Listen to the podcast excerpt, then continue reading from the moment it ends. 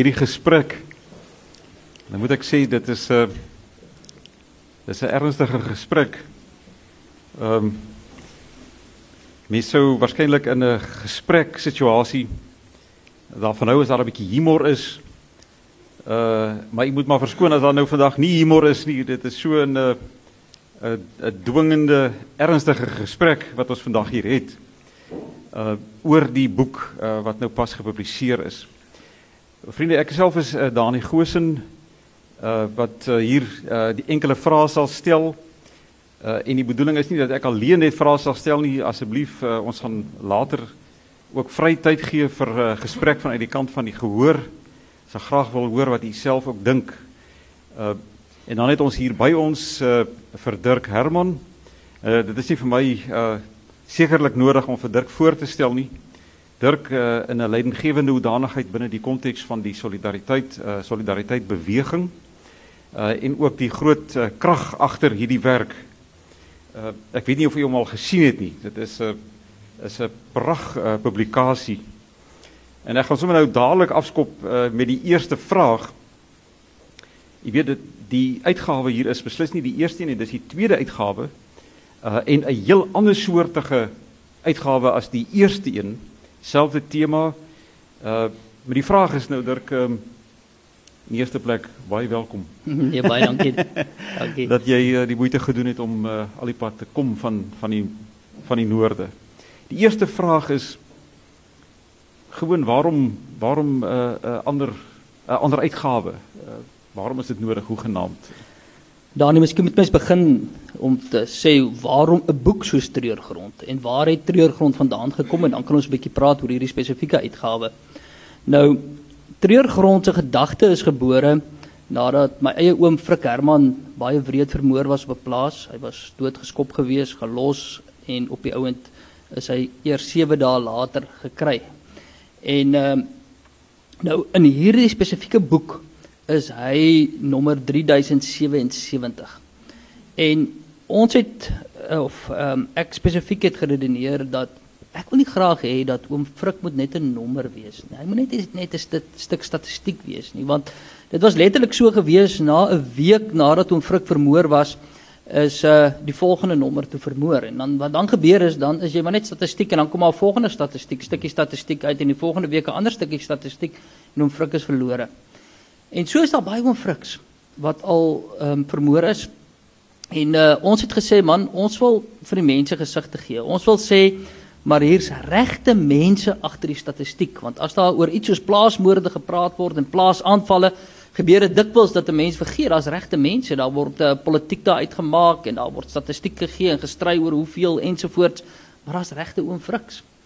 En ehm um, ehm um, en ons het dus besluit om 'n boeke monument op te stel. Ehm um, die eerste uitgawe was baie vinnig geweest. Dit was bloot net 'n uitgawe waarin die name van die persone verskyn het met 'n kort beskrywingkie van wat gebeur het. Ehm um, en uh um, intussen het ons is ons toe so oorval met mense wat gesê het maar luister ons uh, familielid se naam is nie daarin nie. Maar dis 'n bietjie van 'n erkenning ook um, om te sê dat luister ons treur saam. Ons dink ook aan julle. En ehm um, uh, ons het besluit om Treurgrond 2 uit te bring wat nou hierdie uitgawe is en ons het besluit om hom heeltemal anders aan te pak. In die eerste plek het mense ehm um, weer name deurgegee en ehm um, hierdie uitgawe was ehm um, gewees tot 2010 en ons het meer as 700 nuwe aanvalle het ons in die boek ingebring. En uh, dit is 'n uitputtende boek. Ehm um, kyk jy kan nie die boek deurlees nie. En dit was die groot kritiek dink ek op Terreurgrond 1 ook. Dit was 'n swaar boek gewees wat jy letterlik nie kon regtig deurlees nie. Ehm um, jy het hom maar so een keer gekyk en dan sit jy hom daar neer want hy's te swaar. Maar die interessante daarin wat gebeur het vir al die afgelope 2 jaar is dat die kunstenaars het begin om oor plaasmoorde te skryf, te skilder, te dig en liedjies te skryf. En dit is so sodra dit gebeur dat kunstenaars begin kommentaar lewer op 'n spesifieke kwessie, dan uh um, dan begin mens agterkom hoe die volk voel. Um want kunstenaars aan die einde van die dag is so venster op die siel en die hart um, van die gemeenskap daar buite. En ons het besluit om dit bietjie in die boek in te bring om die boek dus eintlik meer verteerbaar te maak want ons wil dit ook nie net klip hard maak nie. Ons het nie ehm um, vrede ehm uh, prente van mense wat dood is en so aan nie. Ons het toe besluit om eerder die kunselement in te bring. So ons het 'n uh, een spesifieke kunstenaar ehm um, uh, uh, gekies. En ons sal sien hier's heelwat ehm um, van haar in en ehm um, sy het 'n hele reeks geskilder oor plaasmoorde. Ehm um, Pauline Gitter is haar naam. En ehm um, ons het dit ingebring en dan het ons gedigte van mense ingebring. Hier's ook interessant genoeg heelwat gedigte in van mense wat slagoffers was van plaasmoorde. So ons het dit ook gedoen. Dan het so mense vra waar die woord of die titel vandaan kom treurgrond. Ehm um, met hom Frik se begrafnis. Ehm um, 'n um, 'n Sondag is mos so gewyde dag. Uh, as 'n mens so in die natuur is op 'n Sondag, dan voel dit mos asof die natuur ook voel dit is gewy. Dis asof die voeltjies stiller is en die wind sagter waai. 'n Sondag het mos so snaakse gevoel in die natuur. Nou toe oom Frik begrawe was, was dit dieselfde gewees. Dit was ook so asof daar 'n letterlik 'n gewydheid in die hele natuur was. En toe sy kus so afsak in die grond, toe het iemand gesê die grond treur. En dit is waar treurgrond gekom kom letterlik die grond treur.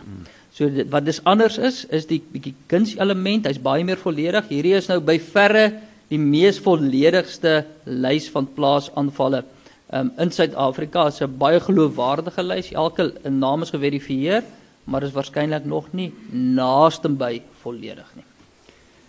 Dirk die die motief van treur. Ehm um, jy sê dat uh, as mens nou sou vra wat die bedoeling agter die werk is. Uh, mense kon sê julle treur eintlik saam. Dit is 'n interessante manier om te kyk na die rasionaal ten grondslag van die boek. Ja, julle dis dis meer 'n treur eintlik wat hier ter sprake. Dis in die eerste plek die rasionaal van die boekie. Uh, hmm. boek is nie 'n boek wat polities moet mobiliseer nie. Ehm um, die boek ehm um, wil nie standpunt inneem oor enige ding nie, maar hy neem standpunt in. Hmm. Omdat hy neem nie standpunt in nie, maar hy neem standpunt in. En die hele ding was gewees, mense voel alleen. Ehm um, uh, en dit en en ons wou net vir mense gesê het wat deur hierdie soort van trauma gegaan het, ons treur saam. Ons ons dink aan hulle. Ons gee erkenning ook ehm um, vir wat gebeur het. En daarom is die mense se name fisies ingeskryf om te ja. sê dat hier is die spesifieke persoon. Ek kan ook vir jou nou net so enetjie dingetjie ehm ehm hoe terapeuties ehm um, kuns en gedigwerk ook al ook is. Ehm um, een van die gedigte wat opgeneem is in die spesifieke boek ehm um, is ehm um, Kobus Erasmus se ehm um, gedig uh, uit die digbundel Stikkend. En ehm um, dis, dis die digbundel se naam is Stikkend lewe na 'n doodskoot. En dit is na aanleiding van 'n plaas ehm um, aanval wat die ehm um, gedig geskryf is. En ehm um, hierdie spesifieke gedig gaan dan oor sy seentjie wat dood is um, in die aanval en later word daar ehm um, um, daar's nog 'n gedig hier in ehm um, waar daar die hofsaak ook oorgedig word en so aan. Ehm um, ek gaan dit nou voorhou maar wat interessant is wat ons in treurgrond ingebring het is stories. Hulle gaan stories hier inkry. Ons het byvoorbeeld een vrou wat die hele 10 jaar ehm um, die afgelope 10 jaar opgeskryf het in 'n storie, stuk prosa. As jy daardeur lees is aangrypend. Jy sien al die elemente daarin raak. Maar kom ek hou vir julle net hierdie een voor van Kobus Erasmus. Waar is jy ou blonde koppie in die wind? Waar het jy heen gewaai my kind? O Hausberg seun wat so kon lag. Ek soek na jou elke dag my kind. Die lewe gooi ons almal rond. Suid-Afrika, jy's nie gesond. Jy het ook vir my gewond. Die elemente kry al sin. Ons mense word steeds uitgedun soos jy my kind. Waar sal ek jou vind? Is jou hare die droë blom wat roer op die graf as die wind opkom? Jy's die wind, my kind. En so sien mense hierdie terapie. Ehm um, en dis 'n hartseer. Hierdie aanvalle is hartseer en alleen. Hmm. So die die motief van om kunswerke daar te gebruik. En kyk mense sou mense sou kon argumenteer jy's eintlik besig om om nou weet soort van 'n estetiese kleur te gee aan hierdie geweld. Jy jy weet jy in 'n in 'n sekere sin werk jy dan as die argument reg sou wees, werk jy dan eintlik die die verskriklikheid van die geweld weg deur eintlik dit mooi te maak, 'n gediggie daaroor te skryf. Maar jy sê daarmee verskil. Jy sê hierso is 'n sterk terapeutiese werking. 'n Gedig ehm um, en spesifiek in hierdie geval gee vir ons 'n kykie in daardie persoon se siel. Ja. So wat Kobus Erasmus hier gedoen het is om vir ons te sê kyk hoe lyk ek. Mm. Kyk hoe lyk iemand wat deur so aanval gegaan het. Mm. Want jy weet nie. En dit is wat 'n gedig doen. Jy kom agter baie dieper. Net verder aan word die aanvalle beskryf. En ehm um, en dis nie dieselfde nie. Die aanvalle is byvoorbeeld ag ek ek, ek het sommer net hier oopgemaak. Ek kies nie spesifiekes uit nie. Ehm um, Magdalena Kokemoer van die plaas Knoppieslaagte is deur 3 maande oorval aangegarand en onder meer ehm um, van vier wapens beroof. Carolus Botma van die plaas Rietvallei op Klerkskraal by te Ventersdorp met sy vrou Susanna is deur 3 maande ehm um, oorval. En dan gaan dit hier aan. Um, nou dit is een manier om daarna te kyk. Jy verstaan die gebeure. Hierin is nou gebeure van iemand wat met 'n strykyster gebrand het, iemand wat met plastiek gebrand is ensovoorts. En as jy daardeur gaan, dan verstaan jy wat het gebeur. Maar as jy luister na hierdie hierdie gevoelens, ja. dan verstaan jy wat word gevoel. En dit is wat ons ook hier um, spesifiek wou regkry. Is ook op ander maniere wat jy begin insig kry in wat gebeur, soos byvoorbeeld Danny Miller. Ehm um, die wreedheid van die uh, pla, van die moorde. Ons het ook 'n bietjie akademiese werk ook hier in wat ons nie die vorige keer ingehaat het nie. Ons het prof Christian Besuide nou hier in en ons het heelwat agterin wat meer dit beskryf, maar dit is meer akademies begrond. Maar ons het dit ook in, maar iemand soos Danny Miller beskryf hierdie wreedheid. Maar nou beskryf hy dit ook na aanleiding van 'n eie belewenis. Maar nou beskryf hy dit in die in die in die vorm van die kuns. Dit versag dit nie, maar dit sê o, oh, dis hoe hy dit beleef het. Haar pols, polse gekap, haar hande verguis, haar keel oopgeslit dat die bloed uitdruis. Die driehoekmerke van 'n strykyster sit deur die gesig van vrou wees brand dit wit. Ek hoor 'n roggel, 'n smag na lig. Ek voel hoop in my opkom. Dalk kom sy terug. Maar die beeld wat ek toe sien sal my vir ewig verlam. Aan die ketel aan die ketelkoord swart sien ek my engeltjie hang. 'n Gevoel soos die kan ek nie beskryf. My 3-jarige poplaat met haar fyn sagte lyf. Ek probeer vergeefs haar hartklopie kry. Ek kan dit nie begryp nie, is alles dan verby. Ek lê haar neer op die koue teelvloer, bebloed geskeurde kleertjies, maar geen roer. My binneste skeur, gil my wese gebind. My siel skree dit uit, sy's net 'n kind. En dit gee vir ons 'n kykie binne in sy siel. Jo, uh, dit is verskriklik treffend. Uh, net net 'n bietjie weg van van die treffende aard van die gedig. Ehm um, daar word dikwels aangevoer dat die plaasmoorde het 'n uh, het 'n politieke betekenis of ten minste die polemiek teen die plaasmoorde. Sê nou maar solidariteit beweging maak beswaar bewyse van sy instrumente teen dit. En dat daar 'n politieke betekenis aangegee word. Uh, en dan word daar bygevoeg maar solidariteit praat vanuit 'n bepaalde perspektief van uit een segment van uit die Suid-Afrikaanse samelewing. Uh maar eintlik uh plaasmoorde is nie net beperk tot een segment van die samelewing nie, nee. Uh dit tref nie net Afrikaanssprekende boere iewers in die platteland van die noorde nie.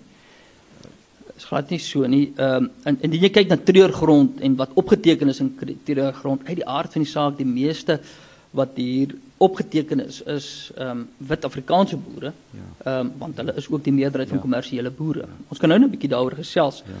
Maar indien jy kyk in die boek self, dan kom jy agter maar ehm uh, dit is baie wyer as dit en dit wat getref word hmm. is nie net die boer nie. Ehm um, dis in elk geval nie net die boer wat vermoor word nie. As 'n boer vermoor word, word 'n plaas vermoor. 'n Plaas met sy inwoners. 'n plaas met sy werkers, met sy familie, 'n plaas met sy produksie, 'n plaas wat ehm um, 'n skool in die omgewing moet ondersteun, 'n plaas wat die uh, ekonomie van die omgewing moet ondersteun. 'n Plaas aan die einde van die dag wat ook ons in die stad moet voed. So die moord op 'n boer het 'n radikale ding wat met 'n kringetjie hier begin word wat net eenvoudig uitkring. En daai kringetjie wat uitkring en as jy kyk na die getalle waarvan ons praat, die ontwrigtings van lewens, is dit baie wyer as bloot die wit boer. Hmm, hmm. In elk geval treurgrond bring ook uit dat in baie uh, in baie gevalle is daar um, ook swart indier bruin boere um, ook vermoor. So dit is definitief nie tot beperk nie. Ehm um, maar die ding is daar nie daar's 'n on ongelooflike oneerlikheid in die hantering van plaasmoorde en ook die politieke hantering van plaasmoorde. In my inleiding skryf ek ehm um, oor die politieke uitsprake waar daar letterlik klimaat geskep word met 'n klomp leuns oor plaasmoorde om dit byna 'n regverdiging te gee. Dis byna asof die gemeenskap uh, moet hoor, maar dit is eintlik reg. Hierdie boere, hulle verdien dit op met strykysters gebrand te word. En hulle verdien dit dat daar kookwater in hulle keel afgegooi word. Maar dit kan mos net eenvoudig nie so wees nie. As jy kyk na politieke uitsprake en gaan kyk gerus na my voorwoord, ek gaan dit nie nou alles lees nie. Haal ek uit wat die politici sê daaroor. Een klein voorbeeldjie is byvoorbeeld ehm uh, die minister van polisie Natum Tetwa wat gesê het dat plaasmoorde meer as 50% van plaasmoorde is ehm um, is is arbeidsverwant. So hierdie boere verdien dit eintlik. Kyk hoe lelik werk hulle met hulle werkers. Hulle verdien om vermoor te word. Maar die polisie se eie statistiek wys dis ongeveer 2%. Ehm um, wat arbeidsverwant is. Ehm um, Prof Herman van Skalkwyk ehm um, wat verlede jaar landbouer van die jaar was, ehm um, het gesê dit is 1,25% wat daar wat loon verwant is. Hmm. So ehm um, dis daar word mites geskep en daardie mites word as regverdiging ge gebruik vir hierdie soort van hmm. moorde wat ook nie toegelaat kan ja. word. Ja. Maar so uh die motief agter die boek is, saam treur, maar daar's ook 'n politieke motief uh, want uh, soos jy nou sopas geskilder het, hierdie gebeure vind plaas binne 'n groter konteks. Dit dit raak eintlik die hele gemeenskap. Dis raak nie net die boer en die vrou en die kinders en en die ouma en die oupa nie dit kring uit en uiteindelik kan jy dit nie anders te hanteer as in terme van politieke kategorieë om dit maar so te stel. Die boek is nie geskryf om te sê hier maak ons nou 'n politieke ja. stelling nie. Maar die boek maak 'n politieke stelling ja. omdat hy bloot geskryf is mm. soos wat hy geskryf is. Hy mm. gee bloot die werklikheid deur. Mm. Hy skryf bloot die gevalle neer. Mm. Hierdie boek praat net eenvoudig hierdie werklikheid self, jy hoef nie die werklikheid oor plaasmoorde te spin om daarvan 'n spesifieke ehm um, 'n politieke um, stelling te maak nie. Ehm um, die werklikheid praat van self ongelooflik ongelooflik sterk. En dit is dit is spesifiek wat ook die doel ehm um, van die boek is. Ons sommer net vir interessantheid noem en dit is hierdie ding van die van die ontwrigting van die totale plaas. Ehm uh, wat ek genoem het, dit is ehm uh, dit wil sê ehm um, ook die werkers. Hierdie een geval ehm um, en dis 'n ongelooflike verhaal. Julle moet dit asseblief gaan lees. Ehm um, dis van Julie Stapelberg wat vir ons haar verhaal geskryf het. En ehm um, dis 'n verskriklike aangrypende verhaal. Jy verstaan presies wat gebeur met hierdie mense wat deur hierdie soort van goeie gaan as jy deur daardie verhaal lees. Ehm um, en nou haar man en haar broer is vermoor um, op haar dogtertjie se verjaarsdag. En ehm um, en sy het um, vertel die eerste verjaarsdag hier daarna wat hulle toe gehou het. Toe die dogtertjie gesê maar ehm um, uh, ehm um, sy so cupcakes. En sy sê toe maar mamma, op daardie cupcakes soek ek smiley faces, smiley gesiggies. En sy sê maar mamma, die mondjie moet huil. 8-jarige dogtertjie. Dis haar belewenis 'n jaar later. Maar wat ek wou sê oor die plaas wat eintlik treur is uh hoor net hoe mooi is hierdie verhouding tussen haar en haar werkers. Sy ehm um, ehm um, sy die oggend vroeg sy haar man is so half 1 die aand vermoor en ehm um, ehm um, of of hulle het haar half 1 is sy eintlik huis toe hy's bietjie vroeër vermoor en ehm um, en ehm um, toe die half 5 die oggend toe besef hy iemand moet gaan melk. Hy besluit sy maar sy gaan melk. En sy gaan toe maar melkery toe om dinge in die ja En eh, maar sy weet toe nie om vir die werkers dit te sê nie. En sy sê toe vir die werkers hulle moet huis toe gaan. Ehm um, en die werkers daag op. Hulle staan almal by die agterdeur. Ek sê vir hulle dat Johan dood is. Groot mans en vrouens huil op my skouers saam met my. Klaas sê toe Johan en Henk laat die ehm um, het laat die middag so rustig verbygery en hulle het gedink hy's op pad beeste toe. Ek vra die werkers om my te help deur die moeilike tyd wat voorlê. Hulle kan nie glo dis waar nie. Hulle is onseker, hulle is bang. Ehm um, en dan ehm um, is die verder ook beskrywings van hoe en sy en die werkers op die ou en die drade weer bymekaar gekry het en so aan. En hierdie af oh, ongelooflike mooi verhouding. In die in die boek self is daar ook 'n ehm 'n geval van waar die aanvallers die boer aangeval het en hoe een van die werkers toe tussen die aanvallers en die boer gaan staan het. So en dan word hierdie mites geskep dat hierdie is eintlik maar omdat die boere hulle werkers so ongelooflik sleg behandel en daarom word hulle vermoor. Ja. Ja. Dis mites. Ja. Dis 'n uh, geweldig treffend, maar so die strategie ook hier is jy sê daar is 'n stuk politiek, maar eintlik wat hier gebeur is jy stel die die persone stel jy aan die woord. Nee, jy jy verpersoonlik die ding, jy fokus op hierdie vrou Julie Stapelberg se verhaal en laat dit dan praat. Dit is eintlik wat jy wil sê. En, en dan die kommentaar wat jy daarop lewer is eintlik baie beperk. Nee, ek ek neem aan daar's eintlik nie jy het verwys na die geleerdes agter in die boek. Ja. Maar hulle hulle lewer eintlik nie vreeslik kommentaar Ja. of, ge- of gee hulle maar net bloot 'n objektiewe beeld. Hulle hulle, hulle gee so 'n bietjie akademiese diepte daaraan. Hulle Ja. verklaar dit. Ja. Dis ons het dit doelbewus aan die einde gesit. Ja. Ehm um, en dis blote voorwoord ehm um, Ja. van elk van die samestellers hier voorin. Ja. En ehm en dan praat die boek en dan elk en uh, hier's opgeskryf so 3500 gevalle. Dit is by verre die mees omvattendste stuk navorsing oor gevalle. Maar baie van die gevalle is net blote beskrywing van wat gebeur het en Ja. en as jy daar deurgaan dan kan jy nie glo die wreedheid daarvan nie. Maar een ding dames en here en Dani wat ek net eenvoudig nog nie kan verstaan nie is hoekom is daar nie 'n absolute ehm um, ehm um, public outcry se Engelse woord Mm.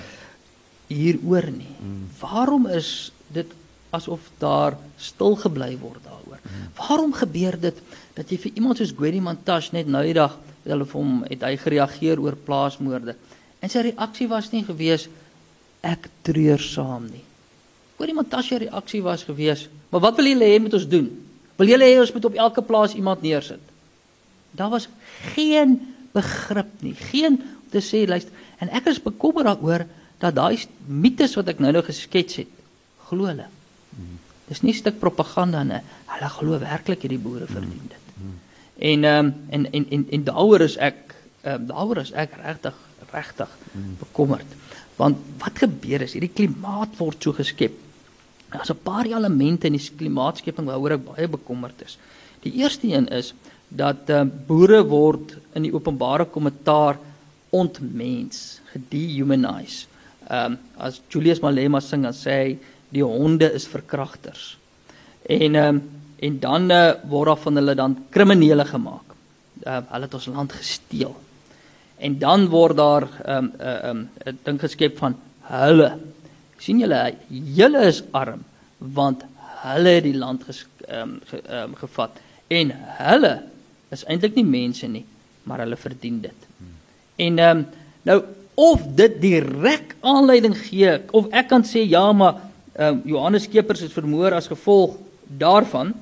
Ehm um, en uh dit kan ek nie sê daar kan nie daai kausale verband trek nie. Maar wat ek wel weet is dat die die openbare weerstand teen plaasmoorde word getemper as gevolg van die regering se ehm um, se inkleding daarvan.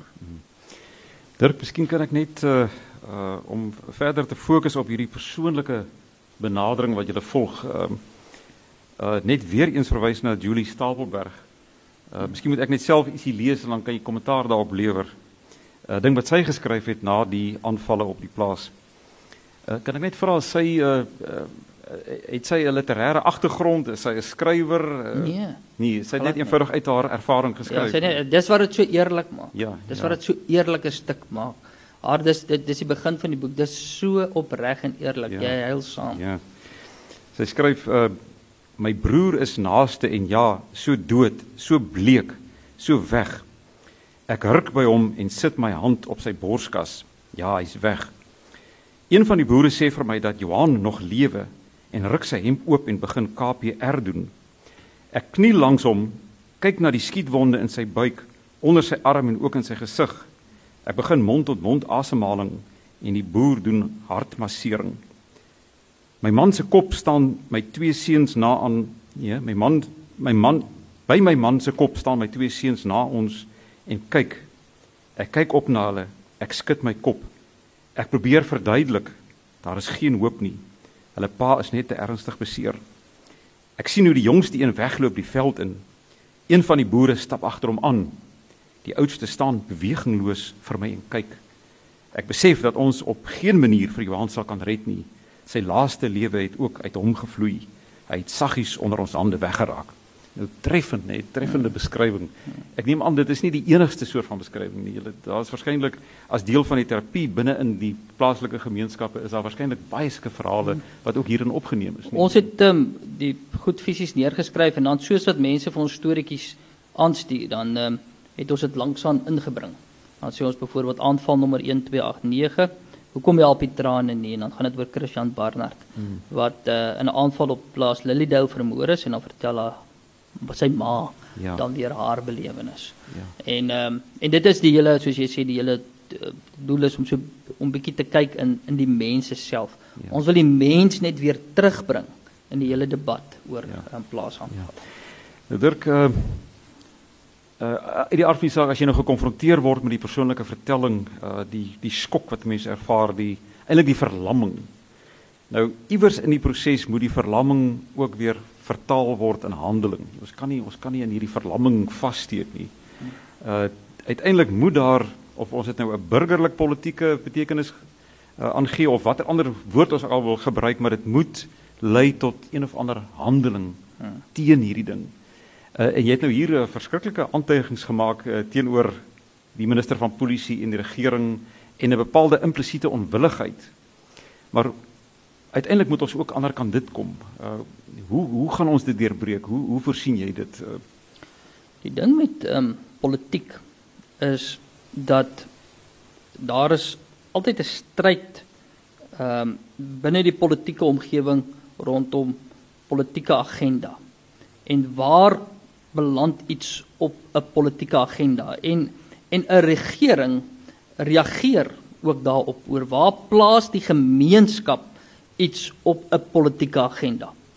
En ehm um, en en ons moet twee dinge regkry. In die eerste plek en dit klink verskriklik, is ons moet veg om plaasmoorde nie te normaliseer nie. Ehm um, en daarom moet ons treurgrond uitbring en daarom moet ons standpunte inneem ensovoorts want as jy weer sien dan word dit die norm. Media skryf nie meer daaroor nie en dan het ons dit deel van die gemeenskap norm gemaak, dis genormaliseer. So in die eerste plek sorg dat dit nie genormaliseer word nie. En in die tweede plek moet ons sorg dra dat dit in die hoor op in die politieke agenda kom. Die burgerlike gemeenskap um, moet eenvoudig um, standpunt inneem daaroor. En dit is onder andere wat treurgrond doen. Treurgrond vat en hy sit hierdie ding koef binne in die uh, burgerlike gemeenskap. Hierdie treurgrond gaan debat oopmaak. Dis wat ons nou doen. Wat ons op die oomblik mee besig is net vanmiddag is, is ook 'n stuk politiek. Ons sê vir u dat uh ehm um, moenie hierdie ding normaliseer nie. Sorg dat ons dit hoër opkry in die politieke agenda. Nou dit doen ons dan met 'n totale veldtog. Ons het treurgrond wat ons uitbring.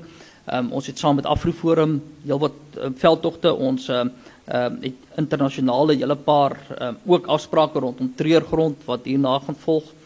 Ehm um, om sorg te dra dat die ding hoër opkom in die op die op die politieke agenda. En dit is dis die een kant. Ehm um, en ehm uh, die tweede ding is dat eh uh, daar's ook 'n uh, de facto antwoord en dit is om eenvoudig 'n beter veiligheidsomgewing te skep. Nou, ons het ook 'n bietjie aandag wat ons hier aan skenk van hoe skep ons 'n veiliger plaasomgewing. Dit is fisies neem selfverantwoordelikheid as gemeenskap om jouself te beveilig en pleeg 'n stuk burgerlike politiek om dit so hoog as moontlik op te kry op die politieke agenda. Ja. ja. Kom ons kom net weer terug na die na die ek weet nie of julle dit sterk hanteer in die werk nie, maar die oorsake van hierdie ding. Ons praat nou oor die politiek en die die moontlike politieke reaksie op hierdie geweldige goed wat gebeur. Ehm uh, maar hoekom gebeur dit hoegenaamd? Wat wat is dit wat uiteindelik aanleiding daartoe gee dat hierdie buitensporige geweld op die plase plaasvind? Uh, ja. Hoekom hoekom word 'n strykyster gebruik? Uh, uh hoekom nie ja, is daar iets soos 'n beskaafde moord? Daar is natuurlik nie, maar nee. hoekom die buitensporige geweld? Uh, dis dis 'n verskriklike uh, moeilike ding wat die twee wat nogal aandag daaraan gee in die boek is Lorraine Klaas en en en en professor Besaiden dit. Ehm um, hulle probeer dit hanteer. Ehm uh, maar hulle slaag ook nie 100% daarin nie. Um, om te sê presies waarom word hierdie oordadige ge geweld, die marteling ehm um, gebruik. Ehm uh, want wat gebeur is kyk um, wat hulle ook uitbring beide beide die twee skrywers is daar's twee ehm um, um, redes vir marteling. Een is funksioneel en ehm um, ehm um, dit is ek martel jou want ek soek die sleutel van die kluis.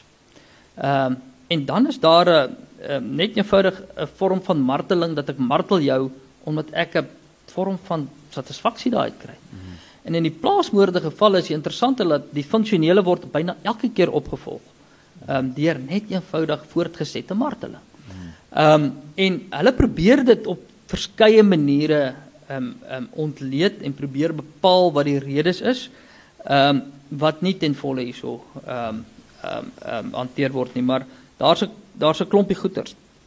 Die een is bloot eenvoudig die afgeleë die feit dat plase afgeleë is. Mense hoor dit nie. Dit klink nou verskriklik, maar die mense hoor hulle hoor nie die geskree nie. Ehm um, um, op plase word daar dikwels geskiet so ehm um, ehm um, daar mense skote dra trek nie onmiddellik aandag nie. So daar dis dis 'n element. Ehm um, middele wat middels wat gebruik word wat of bedwelming tot gevolg het ehm um, ehm um, het sy dwelm self of alkohol het het het, het 'n oorsaak daarvan. Ehm um, en dan ehm um, Christian Besaidie hanteer die hele ding van dat die politieke klimaat word so geskep dat jy regtig die plaas ehm um, mense dehumanize. Ehm um, en en dit dit dit dit dit speel 'n rol. En dan het ehm um, daardie absolute gevoel van beheer. Ehm um, wat wat wat jy het. Ehm um, maar verskeie hulle probeer dit maar die interessante is dat Lorraine Klasen ons gaan nou finansier om dit te doen en ons gaan daaruit dan ook 'n boek skryf. Ehm um, sy gaan haar doktoraal doen oor presies dit.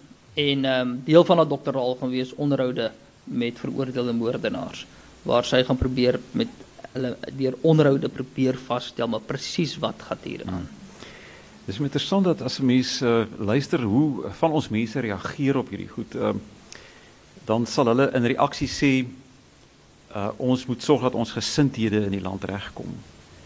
Uh so daar lê die die die vooronderstelling dat as ons ons gesindhede reg sou kry, dit ook nie sou plaasvind hierdie soort van moorde nie.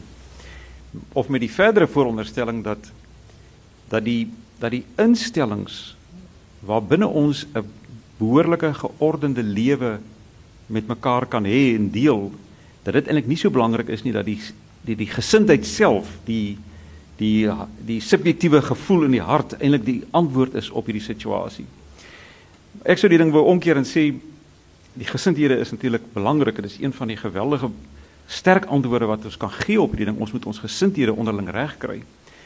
Maar as ons nie ons instellings regkry nie, soos die instelling van die gesin, die instelling van die skool, kerke en dies meer, dat uh, ons beroep op gesindhede eintlik uh, nie veel gaan beteken nie. Uh nou ek sê dit net uh, ek weet nie watter mate is daar al groot studies gedoen sê net maar rondom presies die gedragspatrone van van hierdie moordenaars nie.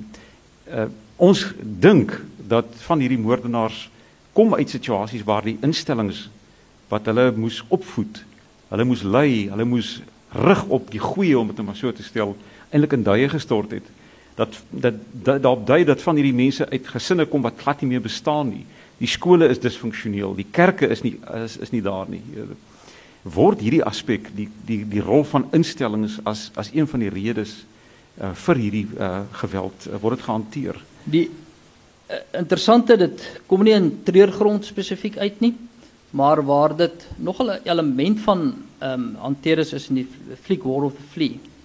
Ehm um, wat uh, wat spesifiek gaan oor plaasmoorde waar ek dink daardie element wel ehm um, uitkom. Dit is natuurlik heeltemal waar dat die probleem is dat instellings heeltemal in duie gestort word vir al die instellings waar die waardes geskep moet word.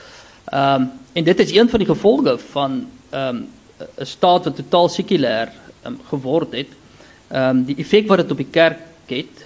Ehm um, en dan ook 'n uh, staat waar um, 80 tot 90% van skole disfunksioneel is. Die plek waar waardes geskep word. Mhm. Ehm um, so ek het geen twyfel daaroor dat ehm um, jou lees dat die instellings wat in duie stort 'n versekerde invloed het ook op die land. Ja, ja.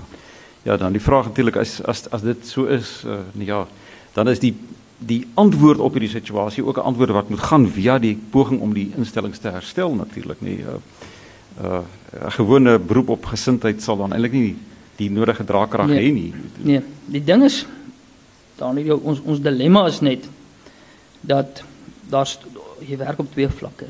Die een is op die metavlak wat jy nou van pla, plaat op die groot vlak dat daar gesindhede en instellings ensovoorts moet. Maar ons moet antwoorde soek ook op die areas waar ons beheer oor het. Ja. En interessant genoeg is dat dit lê ook op die vlak van instellings. Ja, ja. Ehm um, dat instellings waaroor ons self beheer het, moet ons sorg dat ons sterker maak. Ja. Dat daardie instellings vir ons ook ehm um, antwoorde kan bied in hierdie kleiner situasie omdat jy nie heeltemal beheer het oor die groot politieke bewegings op die oomblik ehm Ja. um, um, in die land Ja. nie. Ehm um, maar interessant is daar op die mikrovlak lê die antwoord waarskynlik ook op instellings. Ja, ja. Ek wil nou nie uh die gesprek ons het nou net die woordjie politiek laat val hierso. Uh maar Dirk uh, daar is kommentators wat na ons land verwys as 'n 'n land waarin die st staatsstrukture verswak. Uh en ons is nog by verre na nie in 'n situasie dink ek waarna uh waarin ons na ons land sou kon verwys as 'n falende staat nie. Maar daar is uh, tekens dat die staat in terme van baie wesenlike funksies nie sy rol kan speel nie en waarvan een van die mees wesenlike rolle die is van uh, uh die veiligheid van ons mense. Wat beteken as dit so is en ons nie in die onmiddellike toekoms in 'n situasie gaan wees waar die prentjie omgekeer kan word en ons sit met skielik met 'n sterk staat wat uiteindelik ook sy polisieering en ander soorte funksie behoorlik kan kan kan uitvoer nie. Dat die onus dan uiteindelik val op op die gemeenskappe self. Is dit 'n tema wat julle hier hanteer in die werk? Uh die die eintlik die op nie die verantwoordelikheid wat ons self het om as te ware in te tree ook onder andere vir ons veiligheid. Ons hanteer dit, dit is wel 'n hoofstuk Ja. in die boek ehm um, oor die hantering en die instaan van eie veiligheid. Maar daar moet ons ook 'n stuk politiek pleeg en uh ons moet uh, sorg dat die staat ons ook in staat stel om dit te kan doen. Ja. Want op die oomblik sit ons in 'n situasie waar ons 'n dubbele belasting betaal. Ons betaal self belasting om beveilig te word, maar ons word nie beveilig nie, dan gaan ons en ons uh ehm um, beveilig onsself. So dis 'n dubbele belasting. En die stuk politiek wat ons daar moet pleeg is om te sê vir die staat ons as belastingbetalers moet in staat gestel word ook in die konteks van die plaasomgewing deur belastinggeld ehm um, uh, ehm um, terug te gee Ja. sodat ons in staat gestel kan word ook as gemeenskap om dit te kan doen Ja. wat finansiële kapasiteit betref.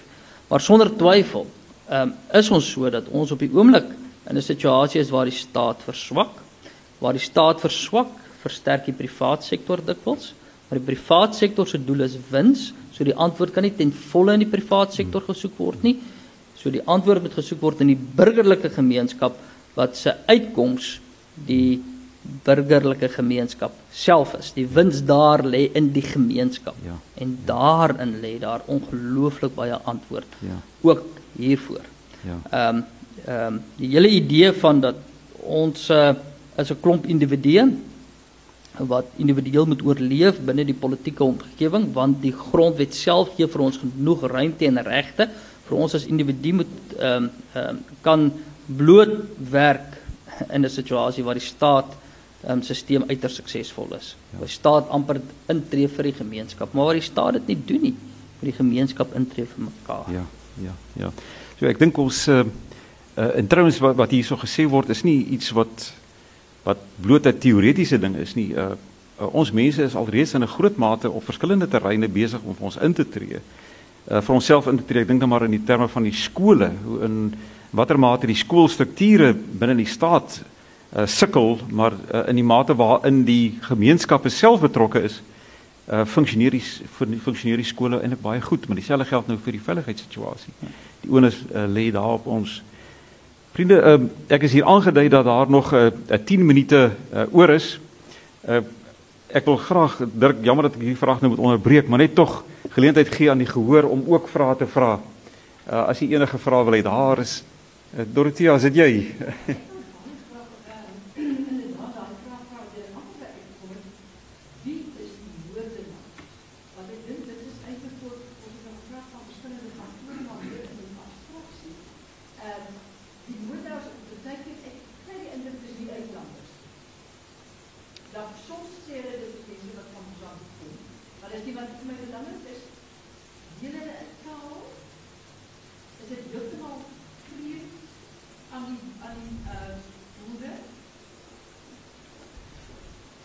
Daar's 3 ehm um, groepe. Waarvan die een groep redelik sterk is en dit is 'n groep waar wat wel ehm um, een of ander vorm van ek ken die mense op die plaas. Ehm um, en baie keer gebeur dit dat die samestelling van die groep so is dat minstens een die plaasomgewing ken en die res van buite af kom. Ehm um, dis die dis dis die een kom ek sê groepering. Ehm um, die tweede groepering is eenvoudig mense en hierdie goed word die is baie mooi beskrywings hierin. Uh, word verskriklik fyn beplan maar dis mense letterlik van ekstern af. Wat ehm um, Suid-Afrikaanse burgers maar wat glad nie uit die omgewing uitkom nie. En ehm um, en en interessant is dikwels daar ehm um, uh, sodra dit mense is van buite af is daar eintlik verskriklik wrede marteling wat die werkers ook betref. Ehm um, want hulle moet inligting uit hulle uitkry. En daai prosesse van mense van buite af. Ehm um, die een geval wat ek nou voor um, gehou het ehm um, van ehm um, uh ehm um, uh, uh, uh, Julie Stapelberg. Ehm um, is daai beplanning vir 3 ehm uh, maande gedoen om 'n tannie te vermoor op die plaas. En uh haar man hulle toe nou gehoor, die tannie het op die radio geroep en haar man hulle toe gaan om die tannie te red en dis toe die ding skeefgeloop het word hulle vermoor en nie die tannie nie. Maar vir 3 maande is daai moord beplan. So dis fyn beplan in daai geval mense spesifiek van buite af. En dan is daar 'n element van buitelanders. Jy is heeltemal reg, dis 'n kleiner element, maar dit is ook daar. So dit is dis daardie 3 en dan dan is dit so dat ons het gesê daar so um, omtrent 2% van die gevalle waar dit eenvoudig gegaan het oor 'n loondispuut. Werksomstandighede verbitter kwaad vermoor. Ehm um, so dit is dis dis dan ook daar. Ehm um,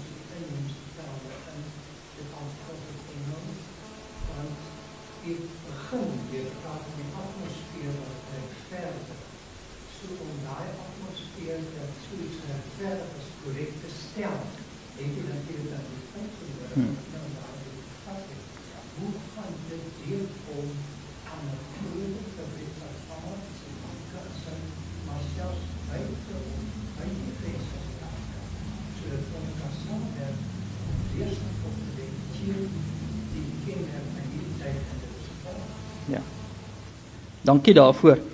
Ehm um, ons het 'n ehm um, van die eerste uitgawe het um, is daar ook 'n Engelse kopie Land of Sorrow.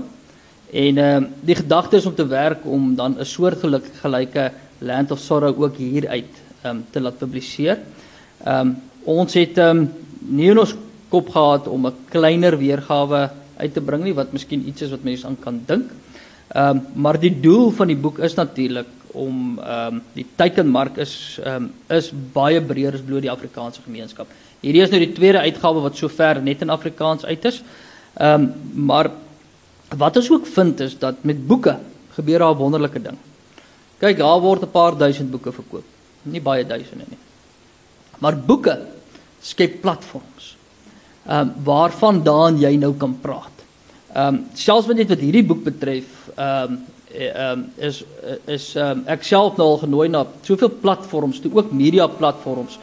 Ehm um, ehm um, waar jy op, op een slag praat met 4 500 000 mense. Ehm um, so die boek skep op jou en vir jou platform om ook die boodskap spesifiek uit te dra. Ons is ook nou genooi vir 'n hele toer deur Nederland met die boek. Ehm um, waar ons ehm um, 'n um, uh, klomp Nederlands parlementslede ons ook genooi het om die boek ook so toe te vat. So so 'n boek het 'n ongelooflike mobiliseringsinstrument en dit lê nie net in die paar duisend wat verkoop word nie. Vriende, ek dink ons het kry ons boot het ons nog 'n tyd vir 'n vraagie of twee. Haar sê, daar is nog tyd vir 'n vraag. Enige enige opmerkings hierso voor. Ek ek dink jy se dalk op jou lewe dan het jy sien. Julle organisasie het dan baie dankie sê vir wat julle nou doen. Vra hulle werk pak op. Nou hier is hier geboorte in die wetenskap en kan hoe groot is die invloed op daai hoe die opstoot wat ek vat van Tony Emery Daar was sê mense wat aanvaar het. Hulle langs die pad staan. Hulle bring na alles op. En dit is so geskaar aan ons. Hier sê Hoe kan ek met daai mense kop aan? Hoe kan ek met hom? Hoe kan ek kop? Nee. Daar's 'n ek word woedend en spesifiek ook vir Tony Ehrenreich want Tony Ehrenreich misbruik ehm uh, mense se gevoelens en dan hulle sosio-ekonomiese omstandighede.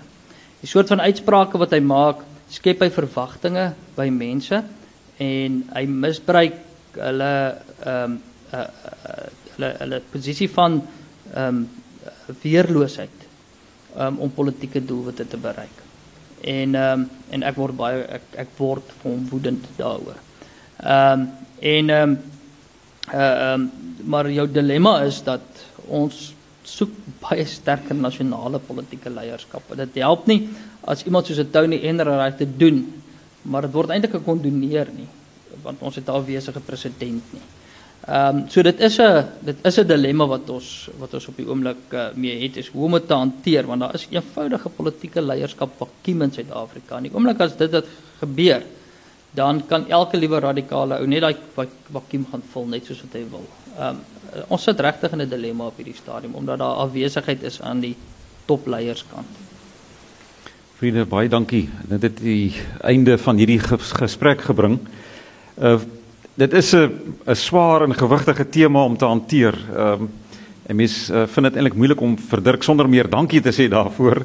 Uh maar dankie uh, vir die werk. Uh, dit is 'n uh, werk wat absoluut noodsaaklik is. Dit moet uitgedra word, dit moet bekend gestel word en ek is bly om te hoor julle gaan ook Nederland toe uh, en in die buiteland uh, die ding uitdra.